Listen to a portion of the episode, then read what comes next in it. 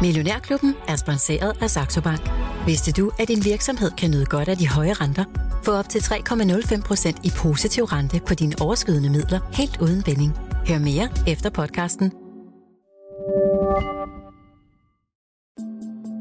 Millionærklubben fra Jørgen Investor med sine Terp.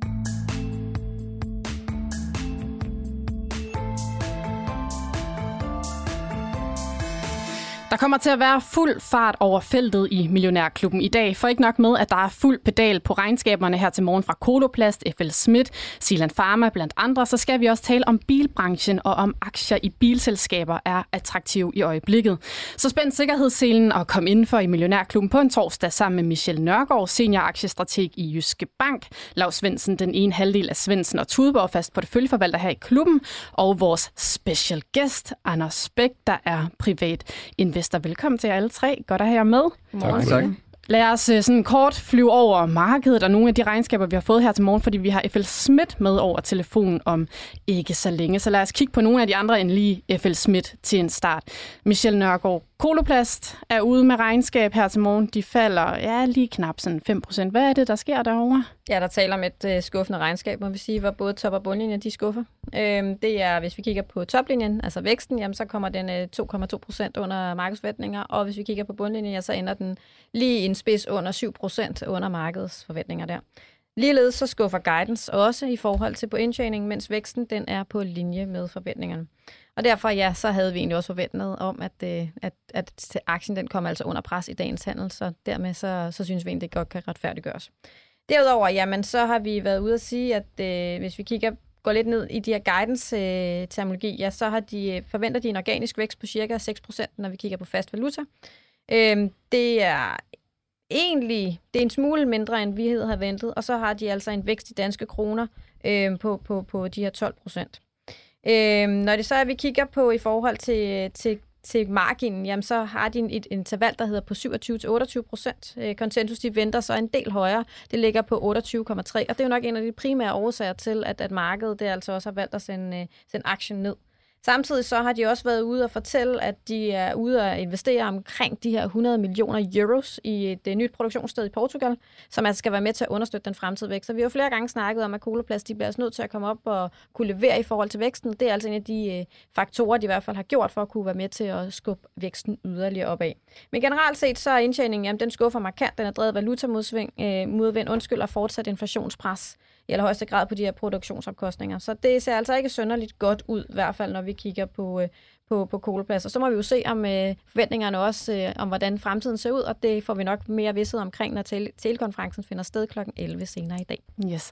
Og Koloplads, de har jo altså været ude med pengepunkten et par gange. De var også ude og købe det her Keresis, som er sådan noget sårpleje med noget fiskeprodukter. Og nu altså vil de så investere i en, i en ny fabrik i Portugal. Altså er det, er, er det sådan smart, Michelle, eller hvordan tænker du om det? Jamen altså, Koloplads skal jo finde ud af, hvordan de kan vokse forskellige steder. Og der øh, har de jo i hvert fald valgt at gøre det i forhold til Polo, øh, øh, hvad undskyld, i den her produktionssted i Portugal. Øhm, ja, så du er helt sikkert, jamen så har de også været ude og, og gøre det i forhold til det her Caresis opkøb. Øhm, og de har sådan gjort det flere forskellige steder, men nu skal vi så også finde ud af at se, jamen nu har de jo brugt rigtig mange penge her. Kan det så også komme til at egentlig at, at og materialisere sig i en øget vækst, og som også kommer for væsentligt til at kunne, kunne ses ned på bundlinjen. Det er i hvert fald det, vi kommer til at skal holde øje med over de kommende par år. Ja, det bliver spændende, om de kan få det der til at flyve her til morgen. Der er det i hvert fald ikke helt sådan, investorerne er i hopla over Koloplast. Lars Svendsen, ja. Torm er ja. kommet med nyt her til morgen. De er ikke kommet Jamen, med regnskab endnu, vel? Er det Nå, er det landet? Ja. ja, hvordan ser det ud? Det er jo en af dine sådan, øh, favoritaktier, må jeg godt sige det? Ja, ja, det er det. det, er det, det er, og ved du hvad, jeg kan, fordi nu er jeg, jeg er lige noget, øh, fået gravet det frem her, men øh, så derfor så kan jeg ikke øh, rigtig svare på det, men den får lidt tæv på det, fordi øh, de, eller det kunne tænkes det jo derfor, at de vil jo købe otte store tankskibe, de største, de har lige her på 110.000 tons LR2, kalder de for, og der vil de jo så udstede aktier til, og det er jo sådan noget, markedet ikke er så glad for, fordi øh, altså, betale med penge, det gør de jo også øh, cirka 60 procent, og så resten vil de udstede aktier for. Men altså, det er jo ikke, øh, hvad hedder det, den, øh, lige den måde, vi helst synes øh, er, er godt, fordi pointen er jo, at øh, det er jo det samme som at sige, at, øh, at øh, ledelsen selv øh, mener, at man bare skal øh, printe nogle øh, penge af fra sin egen øh, øh, maskine, ikke? Mm. Og det er jo ikke, hvad hedder det, øh, det er vi ikke særlig glade for, så må sige, at, øh, at, øh, at det, jeg tror, det er det, der er, øh, er, er pointen i det. Og også, de ligger måske i virkeligheden... Øh, jeg gik jo her i morgen op for Nørreport og hernede og regnede ud, at de skulle tjene 125 millioner dollar mindst, og de er så kommet ud med 119. Så, hvad hedder det, øh, det er jo... Det er, faktisk det er vel ikke dårligt. sådan helt godt. Jamen, det er sådan, man går og, og bruge sit hoved på. Øh, og hedder det, det ligger lidt i underkanten af, hvad jeg synes, de skulle faktisk have troet på, at det skulle være 140 eller sådan noget.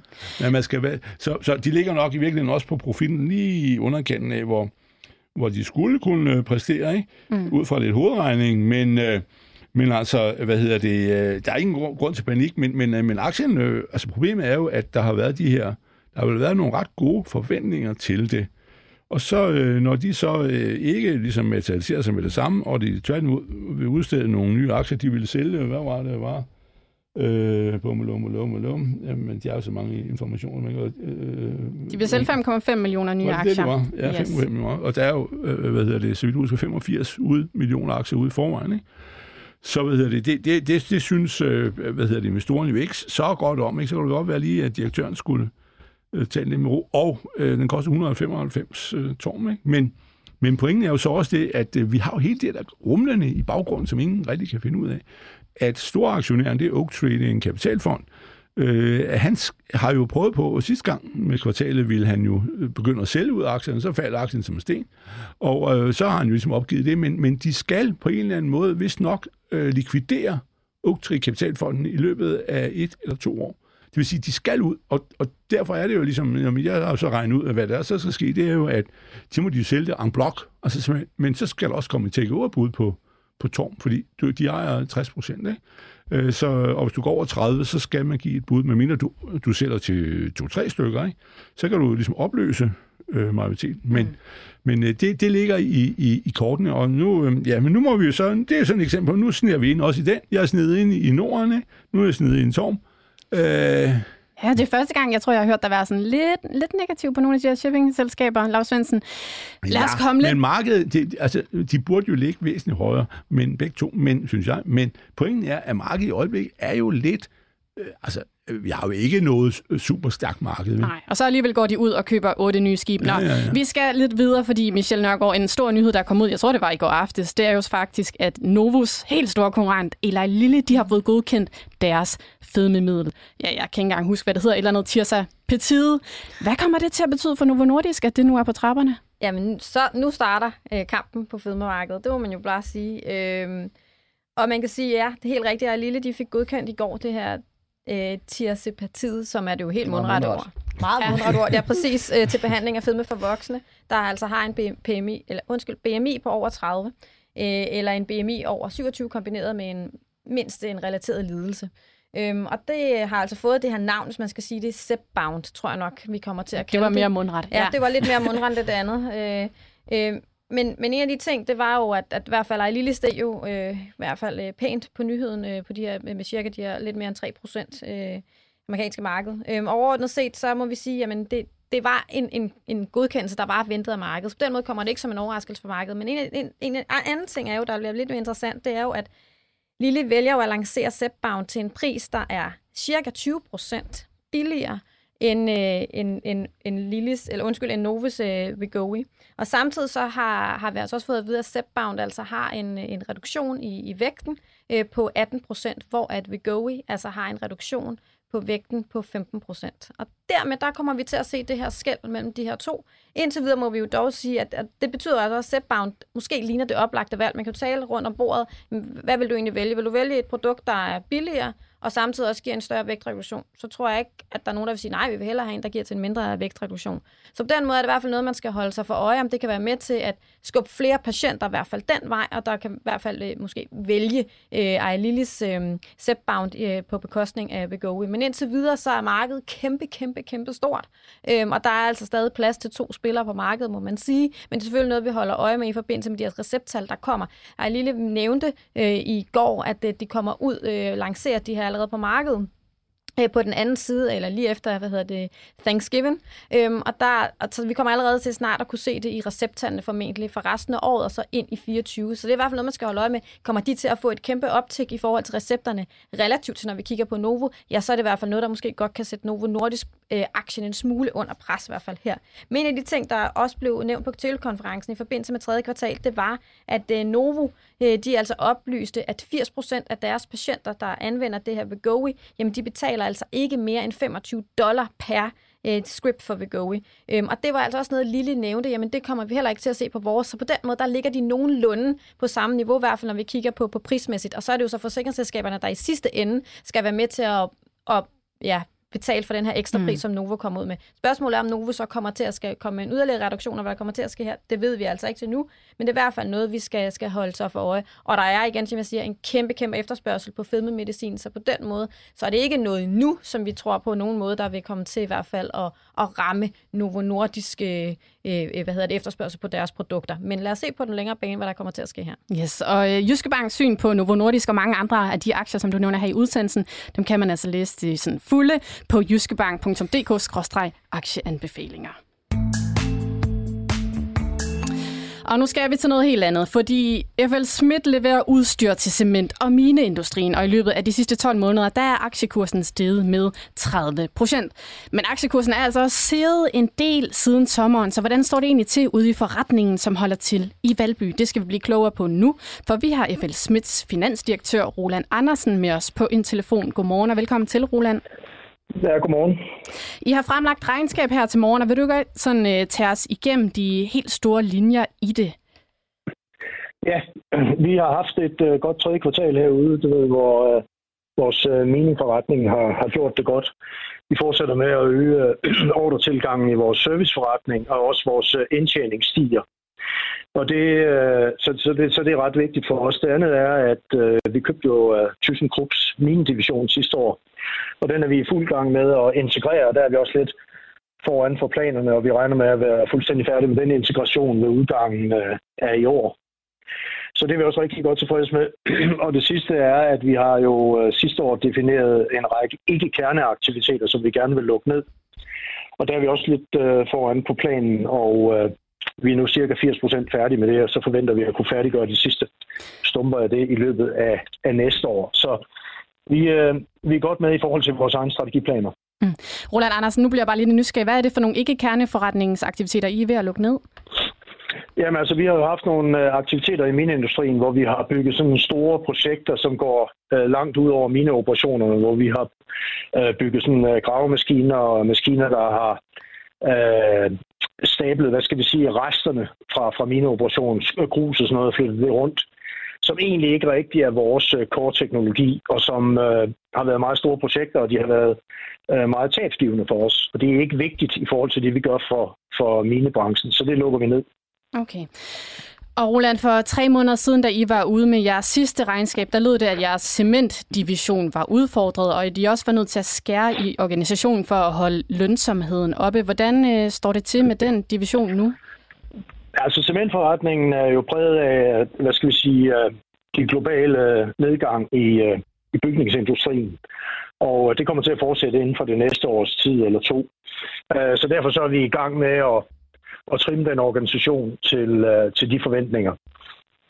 Øh, men cement på længere sigt er stadigvæk en industri, vi, vi tror meget på, og som, uh, og som har en rigtig stor impact, kan man sige, på den grønne omstilling. Fordi at det er en industri, der i dag øh, udleder omkring 8% af verdens CO2-udledninger. Hvis vi ligesom kan lykkes med at, at lave nogle tek- øh, teknologiske landvindinger, der forbedrer det, så er der ret stor effekt øh, på den grønne omstilling for, de, for den forretning. Men det ligger noget længere ude i tid.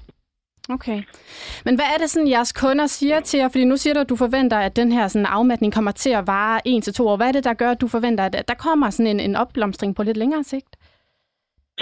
Ja, men altså, det er jo, det er jo sådan, at øh, på et eller andet tidspunkt, så kommer der reguleringer, og der kommer også efterspørgsel efter øh, grønne byggematerialer. Det har vi allerede set. Det ser vi i USA. Store støtteordninger, der, øh, der gør det attraktivt for, øh, for bygherrerne at bruge øh, øh, grøn cement, grønne byggematerialer. Og det vil sige, at det skal vi have en teknologi, der, der kan levere på. men der kommer til at gå nogle år, før det sidder i ordrebøgerne hos os, fordi den eksisterende cementindustri skal have opgraderet deres fabrikker til at gøre det her. Det, det har man ikke været så hurtigt med at gøre. Mm, okay.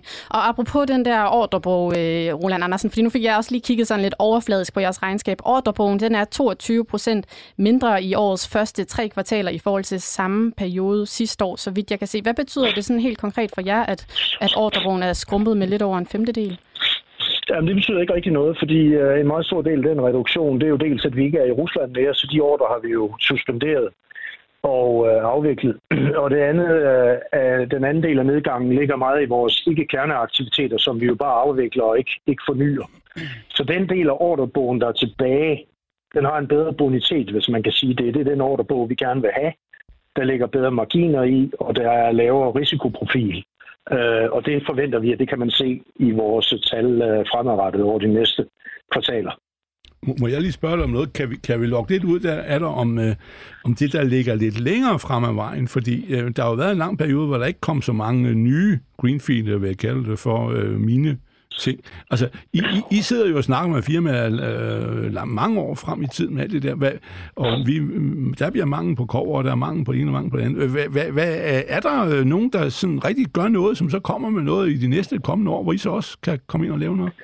Hvad, hvad altså, har I i gryden der? Ja, det, det, det er et godt spørgsmål. Altså, der er jo ikke så mange nye projekter nu, i forhold til, hvad der var for to eller tre kvartaler. Mm. Siden der er meget snak om, at uh, vi kan ikke levere den uh, mængde kover og den uh, mængde batterimaterialer, ja. der skal bruges, eller batterimetaller, hvis ikke der bliver udvidet på minefronten. Og det tror jeg, det kommer til at tage lidt tid. Det har taget noget tid, og det er, det er både permitting, det er også... Uh, nu har EU jo udstedt den nye, uh, hvad skal vi sige, Critical uh, Materials, uh, Raw Materials Act, der gør, at de også vil accelerere øh, tilladelsen til at drive øh, mineoperationer i Europa.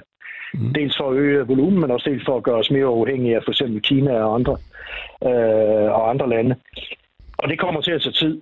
Altså, det, det er der ingen tvivl om. Det kommer også til at tage tid i USA. Øh, det nye IRA-program øh, derovre, som støtter øh, stort set alle grønne initiativer med, øh, med amerikansk øh, arbejdskraft øh, kører heller ikke så hurtigt frem, som man gerne ville, og det samme i Sydamerika. Så jeg tror, det kommer til at tage tid.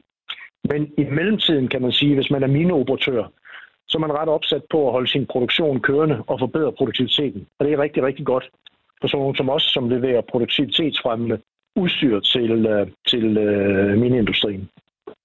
Yes. Men, men oh. du snakker lidt udenom, fordi det jeg gerne vil høre, det er for eksempel, hvis du har noget med det at gøre, jeg ved ikke, om I laver noget, der nærmer sig lithium, altså kover lithium og sådan noget af det der nikkel. Altså, er, I, I sidder jo tidligt og snakker med de der mineselskaber om, uh, her er en mark, og der skal vi, er så mange millioner eller milliarder tons, som vi skal op og så videre. I, I må da have et ret godt indtryk af det der, hvor, hvor, hvornår de skal jo til at, at lave noget. Altså nogle rigtige Ja, men det, det, det har vi også. Det er jo ikke sådan, der ikke er noget på vej. Ja. Der, er bare ikke, der er bare ikke noget nyskabende i forhold til, at der, der er sket ret meget lovgivning på de, i de sidste par år. Det har ikke rigtig haft impact endnu. Men vi har i pipelinen har vi en række lithiumprojekter.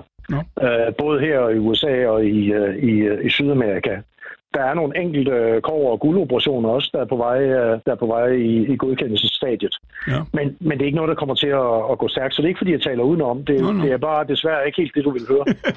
nå, jeg vil bare gerne vide, fordi det er jo sjovt, når der er den der. Der er jo nogen, der taler om, at i 26 vil der være eller på for flere elbiler, eller der er ikke er lithium nok til, at de kan levere dem til elbilerne, så må elbilsalget begynde at flade af. Nå, men det er jo sådan nogle ting, der, mm. hvor de der skal ja. være der. Altså. Yes. Ja. Nå. Roland Andersen, enig i. Inden, inden vi slipper dig helt, så har jeg også senior fra Jyske Bank, Michelle Nørgaard, med mig i studiet. Jeg kan se, hun har også et spørgsmål til dig. Ja, godmorgen. Ja. Øh, godmorgen. Jeg har lige et spørgsmål i forhold til, til kunderne. Øh, hvad hedder det? De her mineselskaber. Har jeg oplevet, at, øh, at, at de er begyndt at udskyde flere af deres investeringsbeslutninger, og at de er blevet mere nervøse og bekymrede i forhold til, hvordan de ser fremtiden? Altså, jeg tror, der er ingen tvivl om, at investeringsaktiviteten for eksempel næste år sammenlignet hvor det forventer vi nok bliver en anelse mindre end det, vi har set i år. Jeg siger, at øh, de, de store øh, mineoperatører, de har stadigvæk øh, øh, rigeligt med kapital og, og er interesseret i at investere, men, men mellemsegmentet, de såkaldte junior miners, de bliver en anelse mere udfordret både af deres finansieringskilde, bankerne, men i virkeligheden også af os, som er en, en anelse mere kritiske med, øh, kreditvurdering osv. Så jeg tror, at nogle af de store investeringer kommer til at tage længere tid, end de ellers ville på grund af den globale udvikling i inflation og renteniveau osv. Det er der ingen tvivl om. Okay. Yes. Roland Andersen, vi har lovet at slippe dig nu. Du er finansdirektør i FL Schmidt, og uh, tusind tak, fordi vi måtte låne dig lidt her til morgen. Ja, velbekomme.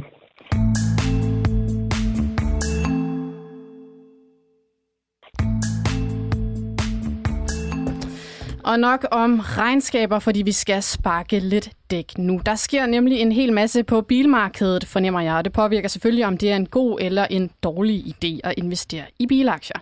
Og Anders Bæk, privatinvestor, jeg ved, at du har godt styr på det der bilmarked, i hvert fald en del mere, end jeg sådan selv personligt har. Så hvordan ser det marked ud nu i forhold til for bare, jeg lad os sige, fem år siden? Mm. Jamen altså, der, den, den store udvikling, der er sket igennem de sidste fem år, det er jo selvfølgelig den her store elektrificering af, af bilindustrien, og den er jo kommet altså, i høj, høj hastighed nu her. Men det, der er rigtig vigtigt at forstå, hvis man vil forstå helt, hvad der, helt konkret, øh, konkret, hvad der sker på, på bilmarkedet lige for tiden, så er det faktisk ikke hele historien. Det, der reelt er ved at ske ved, ved bilmarkedet lige for tiden, det er en ting, den her elektrificering, men der er også ved at ske en omvæltning over til smart cars den her analogi med, den her parallel med, at man går tilbage til at sammenligne det, der sker på bilindustrien nu, med det, det, som, som Apple gjorde med, med iPhone i, øh, i mobilindustrien, det er efterhånden en, en, en gennemtrasket kliché, men det gør den slet ikke mindre. Øh, det gør den Så hvad vil det sige, falsk. at noget er en smart car? Jamen, jamen det, det, det, skal jeg forklare, det skal jeg forklare, fordi det er jo, man sammenligner jo tit Tesla med, med en iPhone på, på hjul. Og den, den analogi er, er sådan set ret, ret spot on. For lad os prøve at se på, hvad var det, at iPhone gik ind og gjorde ved mobilindustrien? Jamen iPhone den gik ind og digitaliserede mobiltelefonen. Den fjernede knapperne, den puttede et avanceret styresystem ind med over-the-air updates. Og det er jo egentlig ret meget en til en, det som en Tesla, det som Tesla har gjort ved, ved, ved bilerne. De har fjernet knapperne, de har puttet en stor touchskærm ind, avanceret styresystem, over-the-air updates, øh, selvkørende funktionaliteter. Så det her med, at, at iPhone var reelt den første smartphone, Tesla er reelt den første smart car. Og det betyder altså, det er en meget, meget vigtig, øh, en vigtig vinkel at forstå på det her. For det betyder altså, at for at, at de andre bilfabrikanter, de gode gamle som Volkswagen, Ford, Toyota, GM osv., jamen det, der er vigtigt, og det, og det som jeg ikke tror, de forstår, det er, de skal ikke kun elektrificere, elektrificere deres nuværende lineup de skal også iPhoneificere deres lineup.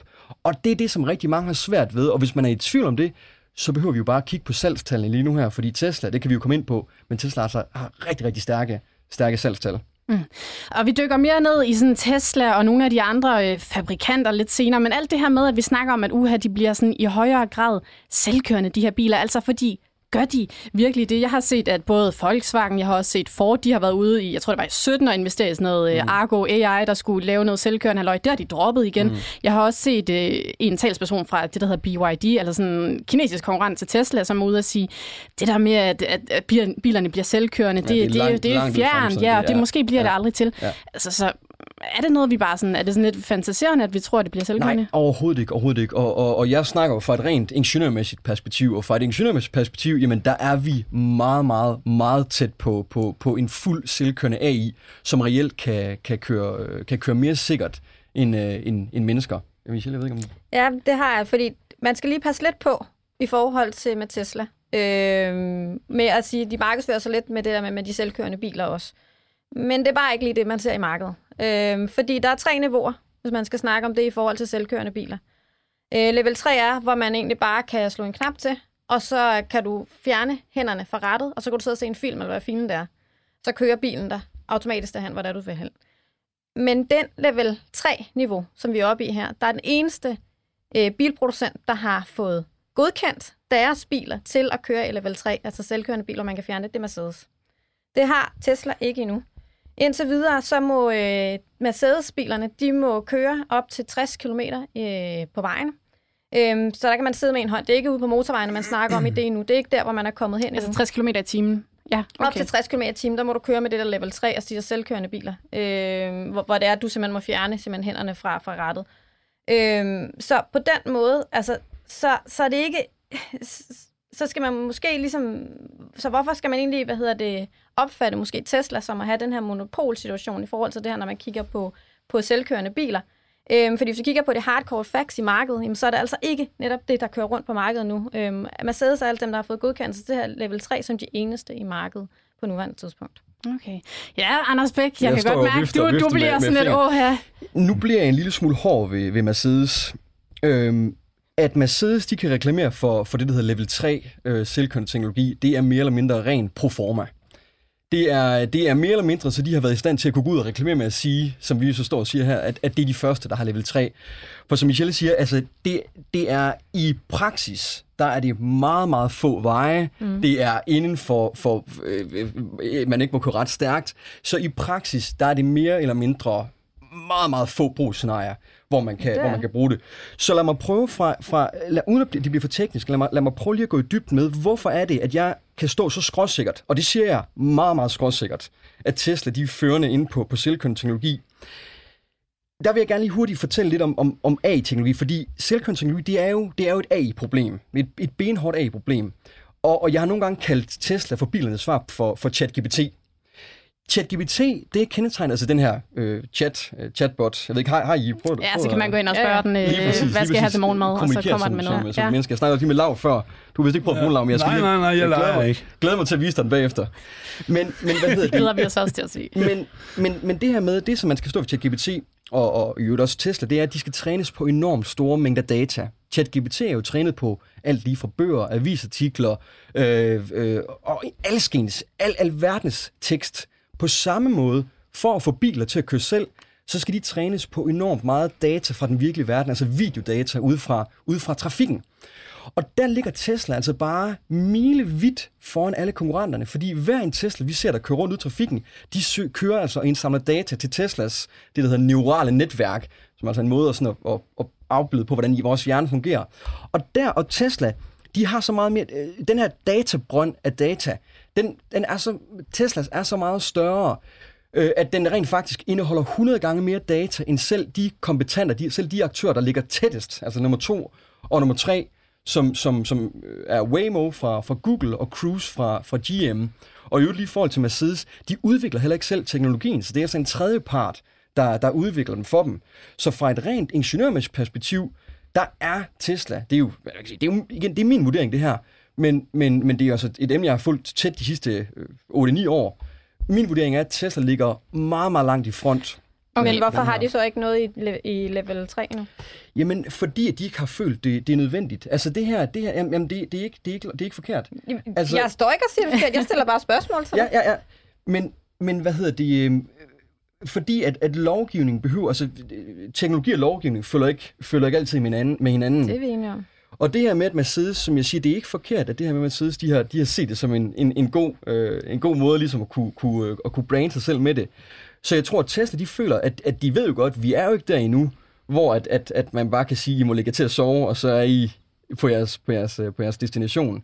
Så jeg tror, de venter, eller det vil sige, det ved jeg, de gør, de venter til, at, at de er så langt, så, så de føler, at, at, øh, at det vil give mening at, at ansøge om, om sådan en tilladelse. Og nu er det ikke, fordi det her det skal handle om min ferie, men jeg vil bare gerne sige, at jeg var i San Francisco i sommer, og de selvkørende taxier eller biler, jeg så køre Ja, rundt der, det det var ikke Cruise. Tesla, det var Nej. nemlig Waymo. Ja. Så hvorfor, hvis de kan, og hvis de, hvis de har så meget data, som du siger, Anders, så er det vel et, et Ja. meget godt spørgsmål, Det er godt. stiller. Hvor, Ja. Hvorfor kommer jamen, det helt, ud? Helt sikkert, helt sikkert. Waymo og Cruise, det man skal vide om dem, det er, at de er taxi-services. Det betyder altså, at de har kun blot et par hundrede øh, taxier, der kører rundt på, på vejene. Og det står altså i stærk... og Så, så de har et par hundrede til at indsamle data fra, fra deres flåde af biler. Og det står altså i stærk kontrast til, til Tesla, som har mange flere, flere millioner. Det man også skal huske, det er, det, det er ret, det, jeg har ikke, ikke selv været i San Francisco, men jeg kunne forestille mig, at det var ret science fiction-agtigt at se en bil, Ja, der kommer kørende lignede, uden. Jeg troede, det var Google-bilen først, med sådan Ja, Google lige- Maps lige ting, der kører rundt. Det, man skal vide, det er også, at, at det ser jo ret imponerende ud, det her med, at der ikke er nogen, nogen fører, men, men, men, men Wave, eller også, det, nej, jeg tror, det er Cruise CEO, har selv lige været ude her for nylig at sige, at, at 3-4 procent af tiden, der har de altså nogle eksterne øh, folk, der sidder og styrer bilerne, som det var en radiobil. Så der er selv selv dem, man ser der, er der stadig situationer, hvor de kan køre selv. Lige en hurtig point til det, det er også, det man skal huske på, det er, at de kører kun i byerne, de her taxiservices. Tesla kører på alle veje, så det vil sige, de får den, den, hvis vi går tilbage til den her databrønd, der får Tesla altså nogle, noget meget mere nuanceret data. De har jo både fra landeveje og motorveje, øh, hvorimod kontra Waymo Cruise, der udelukkende har fra, fra byerne. Okay, men er der sat nogle data på, bare lige sådan Præcis. kort, for hvornår Tesla kommer ud med deres helt selvkørende? Og der skal Tesla også med rette have nogle hook for det. Jamen- Fordi de har været lang, altså lang tid har de sagt, øh, Elon Musk jo, sagt det her med, helt, tilbage fra 2016, 2017, at næste år, der kommer vi, næste år. Og, og jeg, der, det, skal, det kan slet ikke forsvares. Det skal de have nogle hook for, fordi det er ikke i orden over for, for kunderne. Så jeg snakker udelukkende fra, fra, at jeg vurderer, hvor langt de er, og, og der er min vurdering, at de er inden for et til to år, at, at de reelt har en løsning, der kan køre mere sikkert. Okay, men end- det er sådan din mavefornemmelse, eller hvad, Anders? Jo, ma- mavefornemmelse eller analyse, altså jeg vil jo sige, det, det bygger jo i hvert fald på, på rigtig mange, øh, meget, meget data og mange, mange ja, analyser. Okay. Jo, men det er også bare vigtigt, at man, man tror, man skal i hvert fald have et nuanceret billede, fordi man slår mange gange derpå, som du også bliver med at sige, at Tesla, de er i gang med, at de har den der med selvkørende biler, og det er den her, de er rigtig dygtige til mange ting, der, der skal vi slet ikke være i sekund i tvivl om. Men jeg tror bare, man skal have et mere nuanceret billede, fordi det er bare ikke det, du ser ud i markedet. Så godt være, du siger, jamen, de bliver ved med at samle rigtig mange data. Ja, men hvor meget data skal de også have, for at de kommer ud med noget? Altså, jeg vil også vil sige, der er altså nogen, der er på markedet allerede, og det er ikke Tesla inden for selvkørende i forhold til de her ting endnu.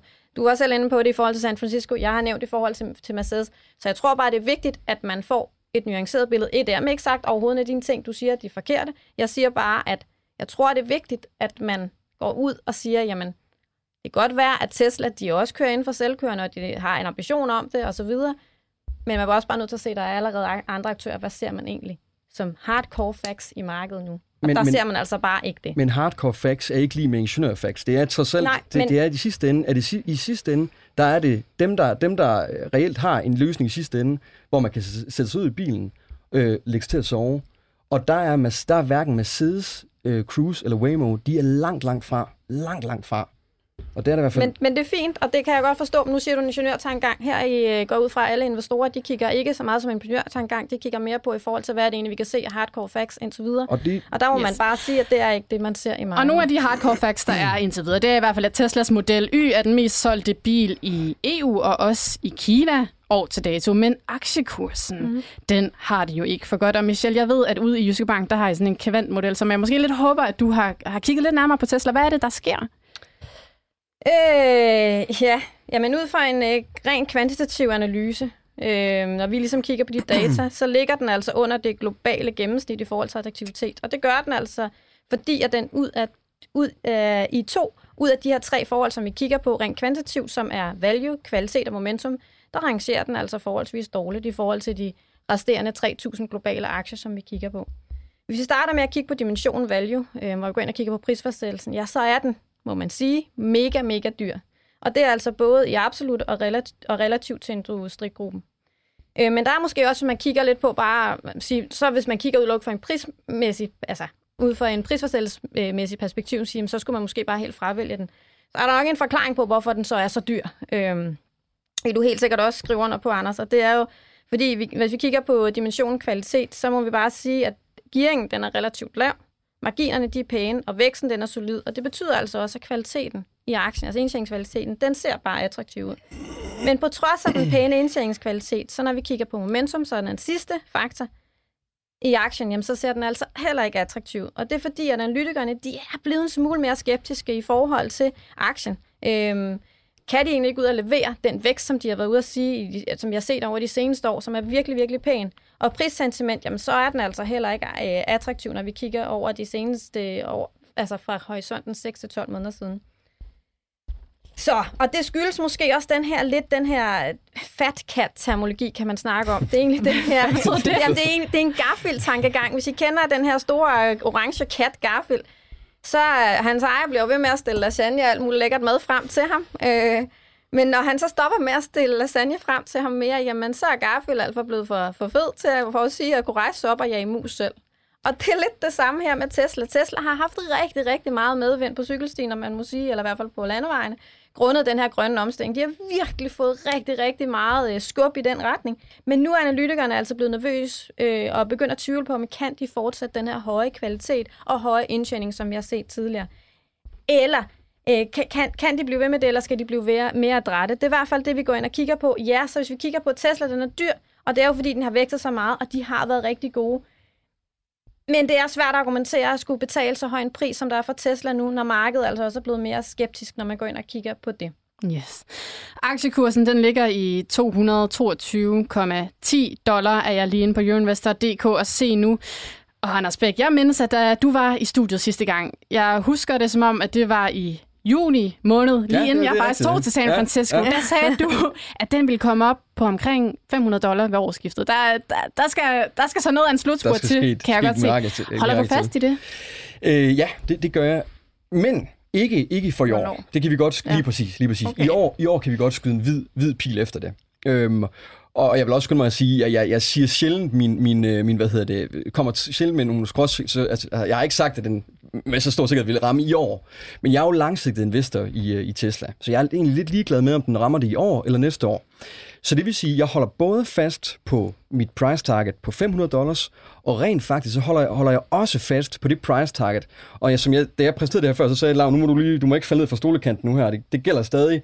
Men jeg holder også fast på, at jeg regner med Tesla til, øh, igen, det er jo, en- jeg tør ikke give nogen, men jeg vil sige 25, 26, måske 27, at der regner jeg med, at Tesla vil ramme et price target på 1300 øh, 100 dollars.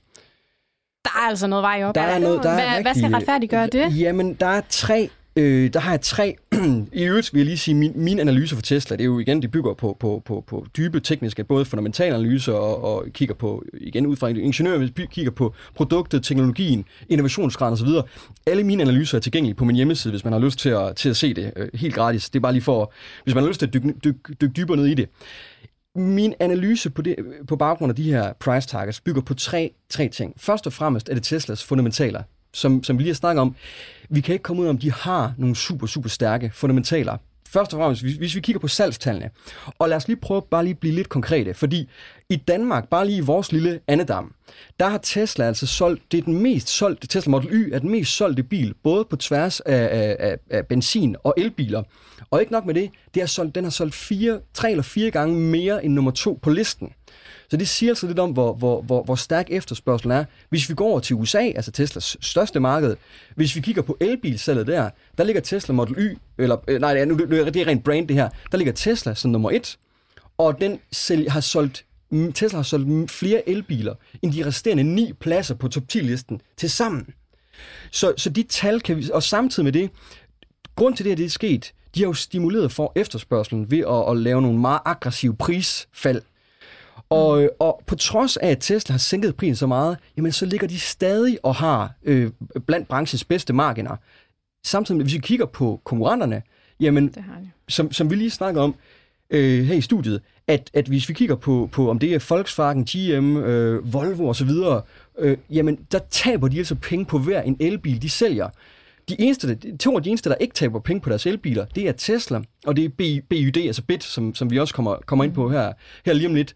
Øhm, så det, det fortæller altså også lidt om, hvor stærk, hvor stærk en forretning, at Tesla har fået stablet på benene. De tjener flere penge, og de sælger biler som, øh, som, som varmt brød. Okay. Så altså Tesla og BYD som de eneste, der tjener penge på deres elbiler lige i øjeblikket, Michelle. Nok er det rigtigt? Jamen, det, det er jeg fuldstændig enig med, med Anders omkring. Øhm, og det skyldes, at øh, hvis vi kigger over de her traditionelle bilmærker, jamen, så har de jo været hammerne dygtige til at jo producere benzin- og dieselbiler til marginer, som, som, som, hvad hedder det, som jo har været virkelig høje. Og det har de jo haft en, en produktion, de har jo været i stand til at, ligesom at, at udvikle over de seneste 100 år, må man sige. Og de her uh, legacy-producenter, jamen, de har jo ligesom skulle vende sig til, at Elon Musk så nu kommer ind og siger, jamen prøv at høre her, jeg fremviser en procedure, en produktion, hvor man egentlig kan tjene penge og producere uh, elbiler til en super høj margin. Øhm, så, så det tager tid for dem også ligesom at vende hele deres produktion til at kunne, kunne rent faktisk producere øh, ind til en højere margin. Øh, en af de ting, som det egentlig er, det er, at, at, at, at elbiler, jamen de bliver også solgt med en præmie relativt til benzin- og dieselbiler, fordi det er dyre, altså komponenterne er dyre simpelthen at producere.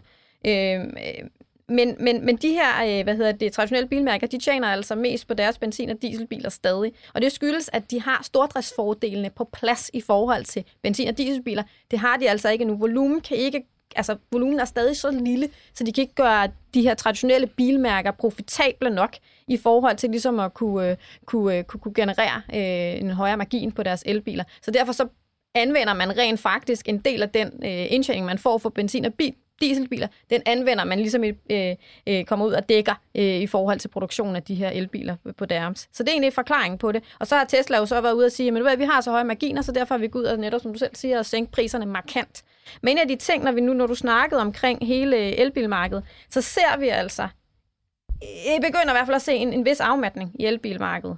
Øhm, og det kan vi altså se både hos rene elbilproducenter og de firmaer, som også har et mix mellem, altså hvor du både sælger benzin- og dieselbiler og elbiler. Hvorfor ser vi en afmatning? Jamen, det skyldes formentlig, at, øh, at, at når du kigger på det her, så er elbilmarkedet indtil videre, så har det været til det her øvre middelsegment. Øhm, og efterspørgselen er ligesom blevet sådan forholdsvis mættet her på det her punkt. Man har jo flere gange været snakket om, at enten så skal priserne længere ned, som vi har set Elon Musk han har gjort, og Tesla, eller så skal vi simpelthen have en anden type øh, elbil, som går ind og, og, og, og, og hvad hedder det, øh, ja, går ud og, og ligesom tilbyder de her produkter til det her massesegment, som man snakker om. Og det er jo elbilmarkedet, som er nede på de her øh, 200-250.000 kroner bil.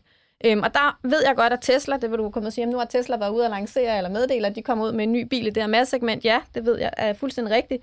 Samtidig så har de også været ude at sige, at øhm, det er de her 25.000 øh, euros marked, som kommer ud, og de har øh, sagt, nu, nu kommer der altså en ny bil på det her marked. Citroën har også sagt, at de kommer ud med en ny elbil i det her 20.000 øh, euros øh, klassen. Og det er netop det her marked, som er de for almindelige privatforbrugere, der har der mangler vi altså nogle flere biler. De er på, på vej, men det er derfor, vi ser en, en vis afmatning lige nu. Altså det, jeg tror, der kommer til at ske med elbilmarkedet, det er, at vi ser en bølgetop og en bølgedal. Det kører sådan i, i udsving. Og hvor vi tidligere har været på en bølgetop, der vi befinder os måske nu i en midlertidig bølgedal, øh, i forhold til, hvad vi kan se på efterspørgselen. Øhm, og, og det er i hvert fald en efterspørgselsdynamik, man skal have for øje, når man kigger ind på det her elbilsmarked. Men det er ikke sagt, at det kommer til at være en lang periode, vi kommer til at være i denne her bølgedal. Yes. Og det kan altså være, der bliver sat fod under kedlerne, fordi der er noget med, at øh, EU vil forbyde alle fossile brændstofsbiler fra ja, 2035. Men Lars Svendsen, ja. de her gamle traver, dem skal ja. vi altså snakke lidt om. Dem, ja. Volkswagen, Stellantis, ja, ja, ja, Mercedes, hvad vi ellers alt har ja. i Europa. Ja.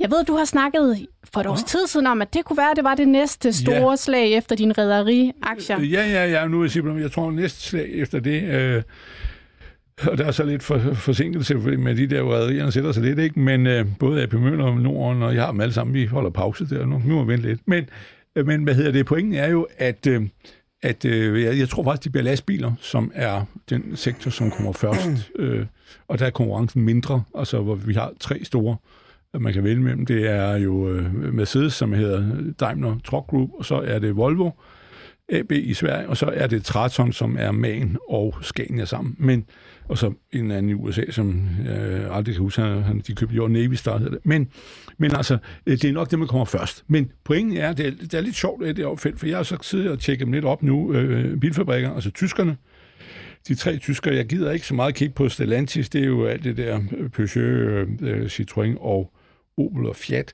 øh, det der, de er jo blevet lagt sammen, så der er ikke så mange øh, bilfabrikker mere, men de store der, øh, de gamle, ty, øh, fine tyskere, eller man kalder dem for, øh, opper klasse mindre. det er jo det felt, som... Øh, hvor, øh, hvor hvad hedder det, øh, Tesla har angrebet. Og det er jo derfor også, at de forsvarer sig, hvor, øh, hvor Folkevogn har Audi, ikke? som deres øh, mærke, som ligesom matcher den. Men, men øh, de går jo sådan set øh, ret godt igen, men øh, godt og godt og godt, men altså, at de tjener gode penge. Øh, øh, BMW gør det, Mercedes gør det, mens Folkevogn halter lidt i år igen, fordi der er været noget, så vidt jeg forstår, der er der været problemer med oversvømmelser på en underleverandør i Slovakiet. Øh, men, der, nå, men deres overskudsgrad er faktisk ned, med 4%, øh, ned på 4%, og hvor de andre jo ligger på Mercedes, ligger helt op på 12, og, og BMW på knap 10. Øh, de klarer sig faktisk ret godt med det der, men altså, sige, hvor langt de så nu om det her el-omstillingen, der, at der er Mercedes, han ligger vist på, var det, var det, var det, nu skal jeg lige have skrevet ned, hvis jeg kan finde mine egne øh, noter her, fordi nu fylder Torm mere end, end det der, men, øh, men det er omkring 14 procent, og dem, altså det som er el, for dem, der er de er 60 procent på rigtige elbiler, og 40 procent det her hybrider, altså som er på en eller anden måde skal have en fat på en stikkontakt, ikke? eller støtte sig til øh, motoren.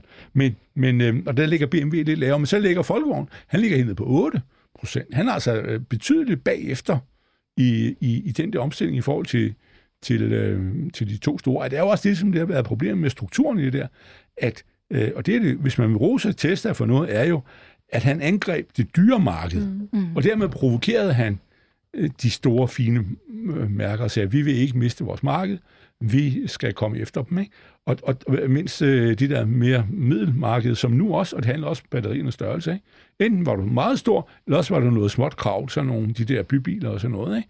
Øh, det var ligesom de to steder, men nu, det er midtermarkedet nu, der kommer, når batterierne for alvor begynder at være tilgængelige. Ikke?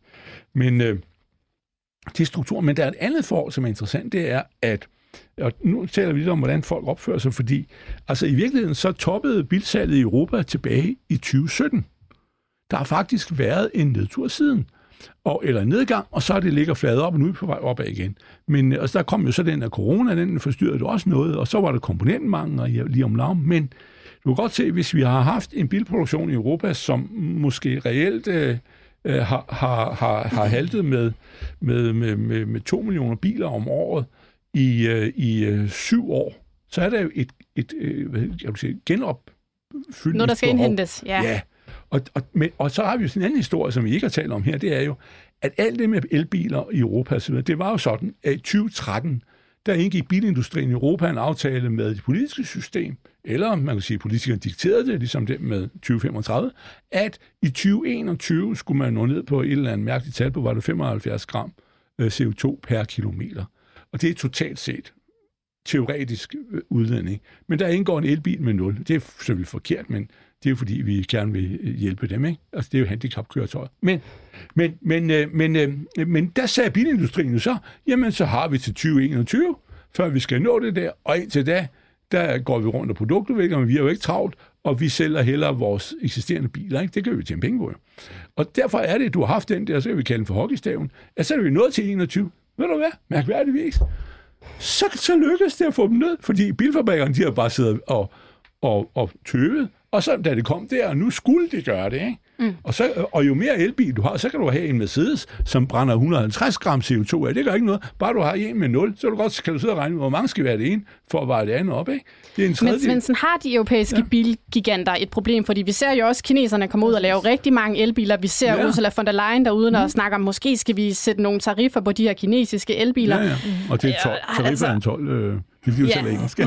ja. En Ja. Altså, har, har de et problem, de ja. her? Og ja. også, de er ude at lave, var det Volkswagen, der lavede et samarbejde med Xpeng, altså sådan en ja, kinesisk ja. elbilproducent? Ja, og, ja, det har de, og det, og det bliver et større problem, fordi du vil sige, at elbilerne bliver jo kinesernes chance for at komme ind på, på, på bilmarkedet for alvor, hvor det var først japanerne, så var det koreanerne, nu bliver det kineserne.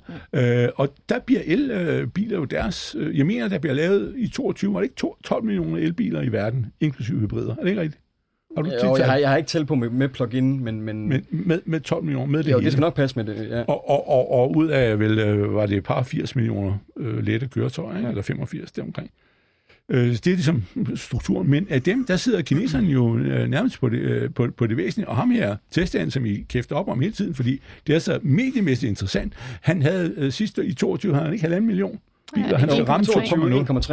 Ja, 1,3, ikke? Og i år 1,8. Ud, ud af øh, 12 millioner, så vil sige, så tager vi, hvis vi så korrigerer det ned for de der er hybrider, så er det vel 8 millioner biler. Så øh, i virkeligheden er Teslas markedsandel på rigtige elbiler vel 15 procent. Godt. Er det, er det korrekt? Jo, jo, jo, jo det, det, det er sådan man kan sige. Men, men vi taler jo op med hele tiden, fordi vi tror, at det er test. Ja, nej, det er jo, en medie, det er jo men, mediebøf, den der. Lav, det der er jo vigtigt, det er jo at kigge på salgstallene. Ja, ja. Fordi hvis vi går tilbage til 2017, der lå Tesla og solgte 100.000 biler. Ja, ja. Så, det er jo, så de har altså formået at vækste over 50 procent. Øh, jeg mener, det er, det er i gennemsnit 69 procent siden 2015 ja.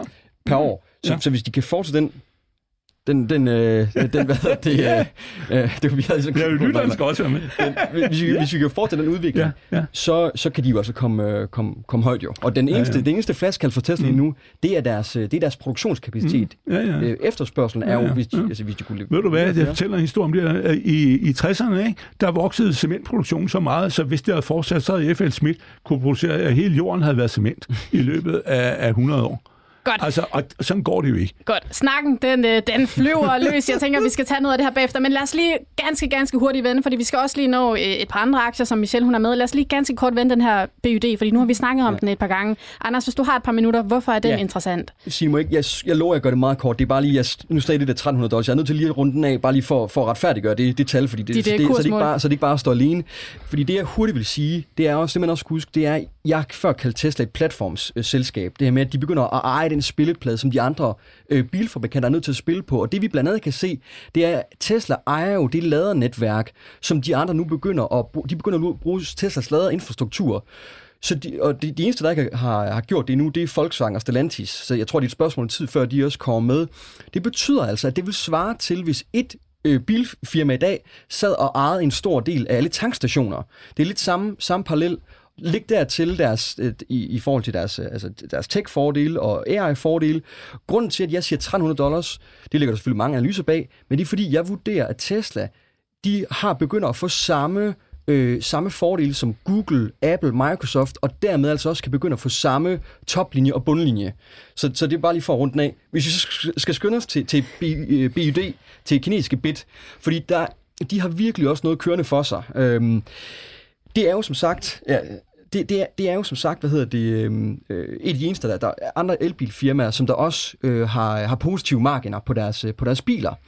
Og, og, og de er, er et, et selskab fra 95, de startede med at lave batterier og gik så over i, i elbiler, og det giver dem jo altså nogle vertikale integrationsfordele. Det er derfor, at de, de, de producerer altså den her essentielle del af en elbil, og kan derfor, har derfor, øh, tjener derfor så meget, og altså kunne følge med Tesla ned.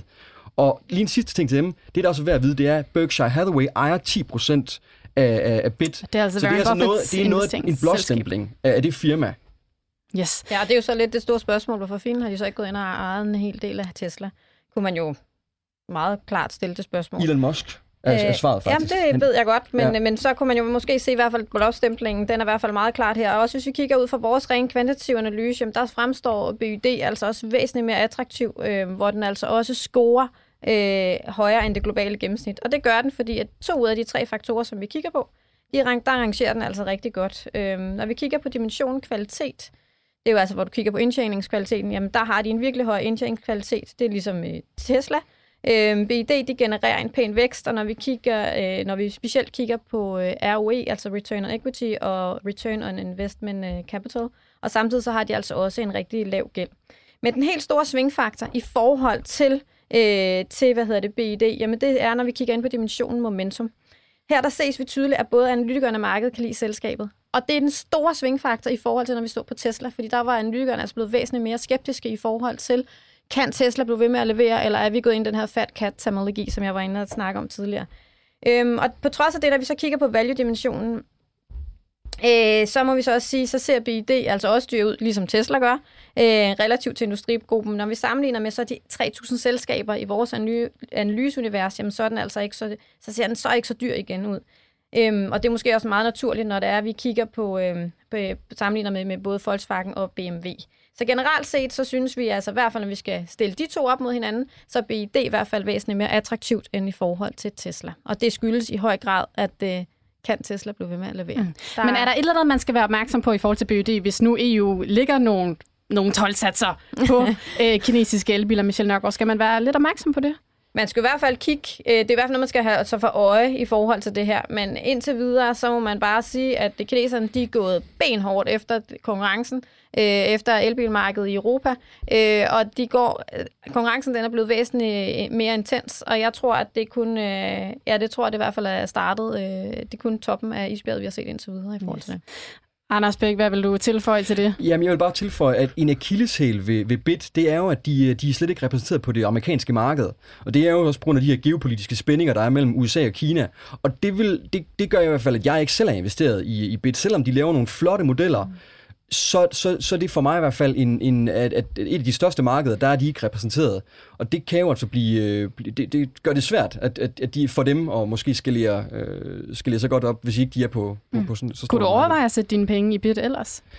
Øh, ja, det, det, det, altså, jeg, jeg er ikke så meget for at investere i kinesiske selskaber. Netop kvæg de her spændinger, der er, og Taiwan-krisen og så videre. Man kan sige, hvis, hvis Kina vælger at gå ind i Taiwan, så er vi alle sammen øh, screwed alligevel, uh, undskyld sproget. Øhm, så, så der er det nok, der er det ligegyldigt, om man har, man har Tesla eller, eller Bit, øh, hvad det er. Men, men, men, men ja, det, det er nok noget moralsk, at ja, Øh, mm. Derfor at jeg ikke, ikke er så meget for. Yes. Vi er nødt til at lukke os nok snakken der. Vi kunne simpelthen have snakket meget, meget længere tid om det. Men tusind tak til dig, Anders Bæk. Tak til dig, Michelle Nørgaard. Tak til dig, Lars Svendsen. Og tak til Jens Marot ude i teknikken. Vi er tilbage i morgen.